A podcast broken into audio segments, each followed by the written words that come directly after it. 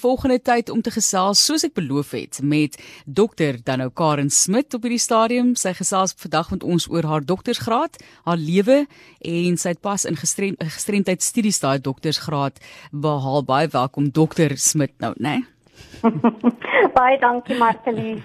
Vertel net vir ons wat was jou fokus van daardie studie, van daardie teses dan nou? Ja.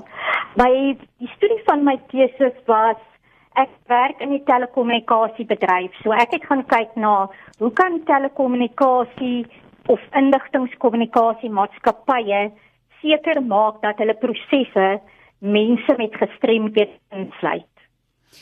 Hoekom het jy besluit om dit te doen? Ek weet dis 'n is 'n selfoonmaatskappy vir wie jy dit gedoen het. So hmm. wat is van die aspekte wat saamgevat is in daai teses om dinge te verbeter? Wel, my uitgangspunt dat is is dat mense met gestremdhede is ook kliënte. Hulle is ook consumers. So ek dink baie keer ongeag of dit net telekommunikasiemaatskappye is, enige ander tipe industrie, maatskappy, ehm um, dink ek neem nie altyd in ag dat mense met gestremdhede is ook kliënte nie. Wat in hulle winkels kom, om wat met geld in hulle hand staan en wat hulle produkte en hulle dienste wil gebruik. En baie keer is daardie produkte en dienste nie toeganklik vir mense met gestremdhede nie. Of dit dit ehm um, jy weet dit voldoen nie aan hulle behoeftes nie.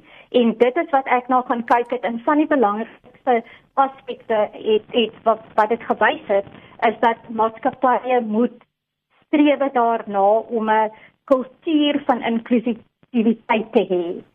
Binne in jou werks ehm um, mag. Ja. Met ander woorde, jy moet kyk uh hoeveel mense met gestremdhede uh jy weet is werksaam in my in my organisasie en dan moet jy dit 'n stap verder neem. Dan moet jy sê wat doen ons as 'n maatskappy of organisasie vir ons kliënte met gestremdhede? Dan dan kyk jy ekstern.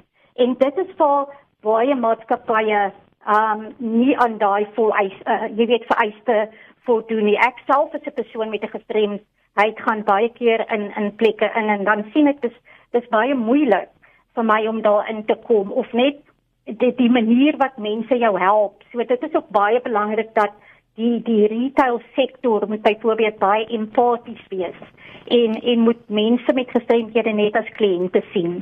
So dit was eintlik maar dit was die die die hoof fokus van my ehm um, van van my studie.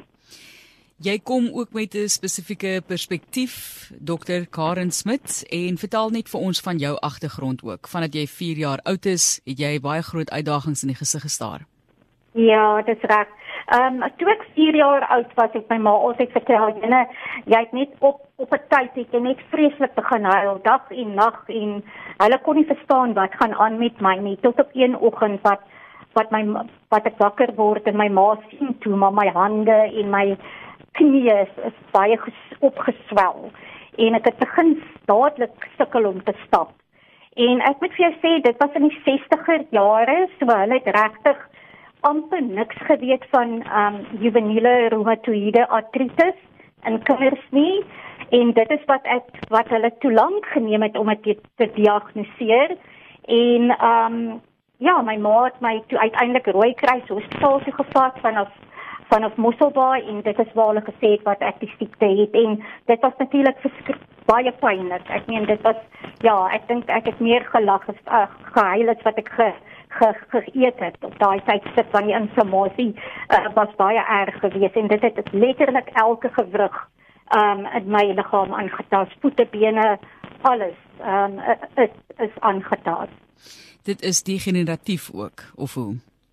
Weet jy ek is eintlik so geseën want op die ouderdom van 15 het ek wat hulle sê uitgebrand of jy kan ook sê dit het gegaan in remissie. Ehm uh, maar ja, soos wat ek ouer raak, ehm um, sal ek sê dit raak erger, maar ek het nie meer die pyn soos wat ek gehad het toe ek 'n kind was nie. Ek was in die laerskool meer in die hospitaal as wat ek in die skool was.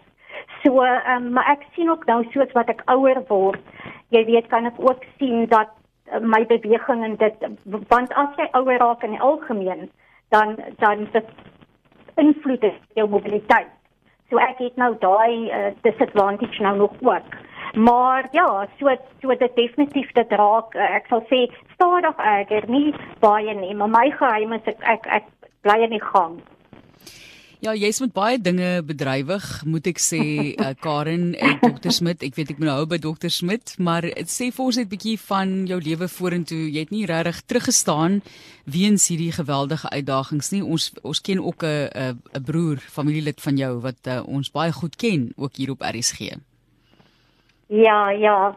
Ehm um, ja, Jenny van Greenen is my broer en ek moet vir jou sê sy ondersteuning, ehm uh, sy en Pedro uh, en sy ondersteuning aan my was beskiklik ehm um, positief en goed en natuurlik ook my man en my dogter wat nou in matriek is en vriende en familie en ook my werkgewer. So ek moet vir jou sê Martelies, as jy so 'n projek aanvat, dit het my 5 jaar geneem uh om my studie te voltooi van begin van die proposal tot op die einde. Uh in jou lewe gaan net om dit. So ek was in lockdown lank voor dat ons vir verlede jaar lockdown gehad het ek en my gesin want jou lewe gaan handel net oor dat jy sit voor jou laptop en jy werk aan jou studie.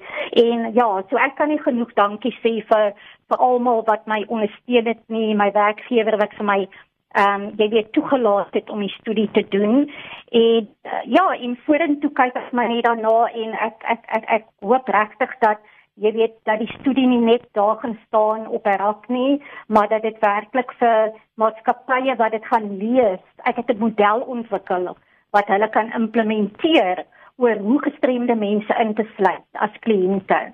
En enige uh, maatskappy gaan kan dit gebruik. So dit is my doel en dit is my gedryf om om daai verskil vorentoe te kan maak dat werkgewers dit kan vat en dit kan implementeer. Van die goed implementeer hulle al klaar en dit is nie vreemde goed wat ek vir hulle sê nie. Dit is eintlik baie vooraanliggend, maar ek dink dit is juist hoekom partykeer dan ehm um, jy weet we overlook it ons ons ehm um, sien dit nie altyd raak nie.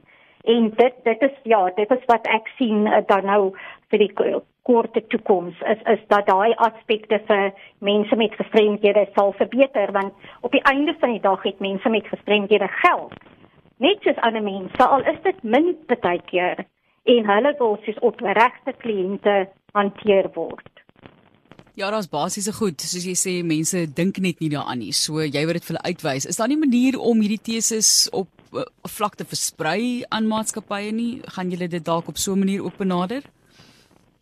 Ek ek ehm um, sodra dit nou gepubliseer is uh, in die universiteit, uh, jy weet as 'n biblioteek en so aan, ehm uh, dan dan kan ek die inligting sit byvoorbeeld op sosiale media platforms en hulle verwys soontoe, want dan is dit dan is dit publiek in die publieke uh, jy weet inligting wat dan beskikbaar is. So ek ek is op platforms soos LinkedIn en so aan, so ek sal beslis um, jy weet net vir hulle sê daarvan en um, ja, dan kan hulle dit beslis uh, gebruik tot hulle voordeel. OK, so kan ons vir mense sê of met 'n e-pos as hulle dit soek of is daar 'n platform met hulle maar vir jou direk kontak? Hoe voel jy daaroor?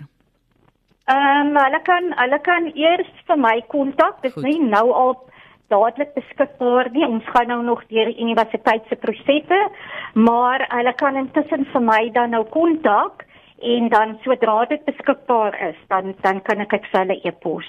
Goed, so e-, e-, e-posadres waar mense jou kan kontak? Karen Smit, dis K A R E N Smit S M I T en die nommer 50 Karen Smit 50